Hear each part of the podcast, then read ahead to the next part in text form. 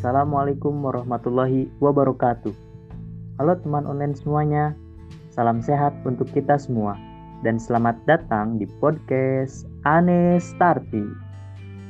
Sebelumnya, kenalin nama saya Fatan Ahmad Mujadid, bisa dipanggil Fatan. Di episode kali ini, saya gak sendirian loh, saya ditemani oleh rekan saya. Halo, nama saya Rizky Anissa, biasa dipanggil Anis. Nah, kami berdua yang akan membantu podcast kali ini sebagai host. Tentunya akan memberikan informasi yang menarik untuk didengar ya kan kak? Yap, bener banget nih. Maka dari itu, di sini kita juga akan mengundang bintang tamu teman-teman mahasiswa dari Prodi Anestesi Universitas Bakti Kecanda Bandung. Jadi, di pertemuan kali ini kita akan membahas sesuatu nih. Wah, sesuatu apa nih kak? Jadi di sini kita akan membahas tentang kecelakaan beruntun yang sering terjadi akhir-akhir ini. Wah, sepertinya menarik. Eh, tunggu sebelumnya memasuki pembahasan, kita kenalin dulu dong sama tamu undangan yang akan berbincang dengan kita. Dimulai dari kakak sebelah kiri saya yang kelihatannya semangat banget sih. Silahkan kak untuk memperkenalkan dirinya. Baik, halo semuanya perkenalkan nama saya Salma Jafira Mutiara, biasa dipanggil Salma. Salam kenal ya teman-teman. Kakak yang satunya lagi boleh dong memperkenalkan diri. Halo semua, perkenalkan nama saya Zulia Nur Fauzia, bisa dipanggil Zulia.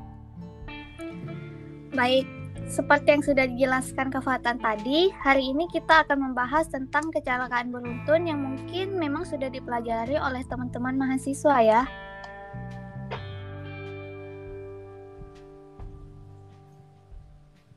Betul kak, jadi kampus kita ini ada mata kuliah yang memang khusus membahas tentang manajemen bencana, seperti bagaimana cara penanggulangan bencana, termasuk dan termasuk kategori trias berapa dan lain sebagainya.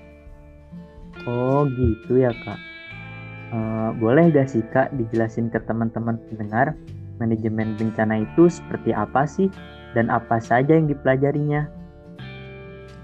Boleh dong, di sini saya akan sedikit menjelaskan manajemen penanggulan bencana atau biasa dibilang manajemen bencana. Itu dapat didefinisikan sebagai upaya atau kegiatan yang dilaksanakan dalam rangka upaya pencegahan, mitigasi, kesiapsiagaan, tanggapan darurat, dan pemulihan berkaitan dengan bencana yang dilakukan pada tahapan sebelum, sesaat, dan setelah bencana. Jadi, kalau misalkan ada bencana, kita harus siap terhadap resiko-resiko yang akan dihadapi. Untuk yang dipelajari sendiri, itu ada trias, yang merupakan suatu teknik penilaian dan klarifikasikan tingkat kegawatan korban bencana. Nah, ini nih Kak, kalau misalkan ada korban-korban, kita tahu dan bisa membedakan mana yang harus diselamatkan terlebih dahulu. Biasanya kita tahu dari pembagian trias menggunakan warna-warna. Oh iya ya, saya pernah dengar sekilas sih tentang warna-warna gitu.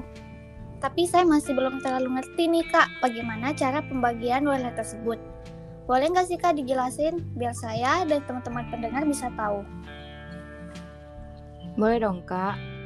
Jadi, trias bencana itu ada empat dengan prioritas pertama yang akan ditolong yaitu pasien yang termasuk warna merah. Pasien yang termasuk warna merah itu yaitu pasien yang mengalami cedera, mengalami jiwa yang kemungkinan besar dapat di, dapat hidup bila ditolong secara segera. Contohnya ini pasien yang memiliki cedera tulang belakang. Kemudian, yang kedua itu yaitu warna kuning pasien ini memerlukan tindakan definitif tetapi tidak mengancam jiwa. Contohnya ini pasien dengan luka bakar. Lalu yang ketiga itu warna hijau. Nah, pasien ini yang mendapat cedera minimal dapat berjalan dan bisa mencari pertolongan. Contohnya ini pasien dengan memar dan luka lecet. Dan skala prioritas yang terakhir yaitu warna hitam. Nah, warna hitam ini pasien yang mendapat cedera mematikan dan akan meninggal meski dapat pertolongan. Contohnya ini pasien dengan kerusakan organ vital dan lain sebagainya. Wah, menarik sekali ya pembahasan kita kali ini. Betul, Kak. Kira-kira boleh dong dicontohin salah satu kasus kecelakaan gitu? Wah, kebetulan sekali nih Kak. Beberapa hari yang lalu, ada kecelakaan beruntun yang terjadi di Tanjakan Sanur, Kabupaten Sumedang, Jawa Barat. Kronologisnya begini, sebuah truk yang mengangkut batu bara mengalami remblong tepat di Tanjakan Sanur atau datang dari arah Sumedang menuju Bandung. Saat truk melintas, kondisi jalan menurun dan membentuk letter S. Kendaraan besar tersebut secara beruntun menabrak tiga kendaraan roda empat yang ada di depannya. Kemudian menyeruduk empat sepeda motor.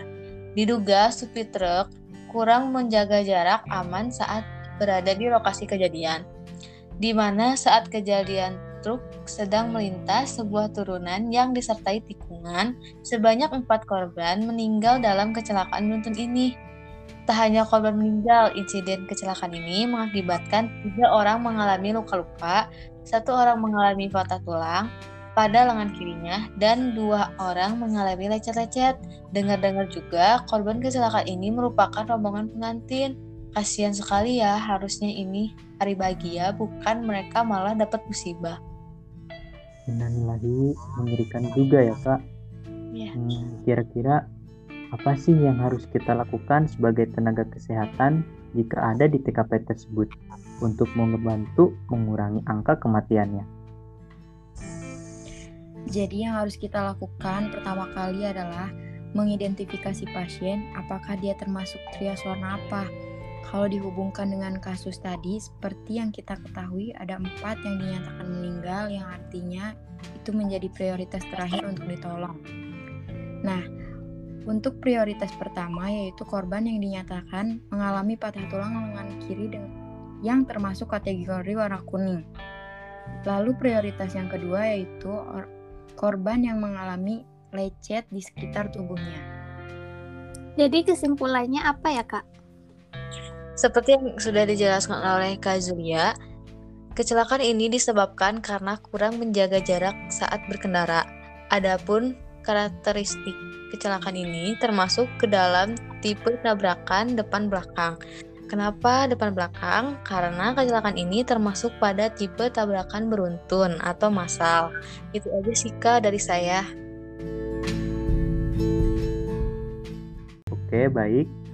Ada yang mau ditambahkan lagi, Kak Zulia? Cukup, Kak. Baik, terima kasih Kak Zulia dan Kak Salma sudah mau hadir dan berdiskusi tentang pengalamannya. Iya, sama-sama. Sama-sama, Kak. Wah, seru sekali ya pembahasan kita di episode kali ini. Mungkin kita cukupkan sampai di sini.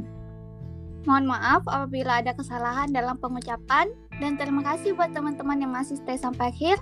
Saya Rizky Anissa. Dan saya Fatan Ahmad Mujadid. Pamit undur diri. Assalamualaikum warahmatullahi wabarakatuh. Sampai jumpa di episode selanjutnya. Bye-bye. Bye.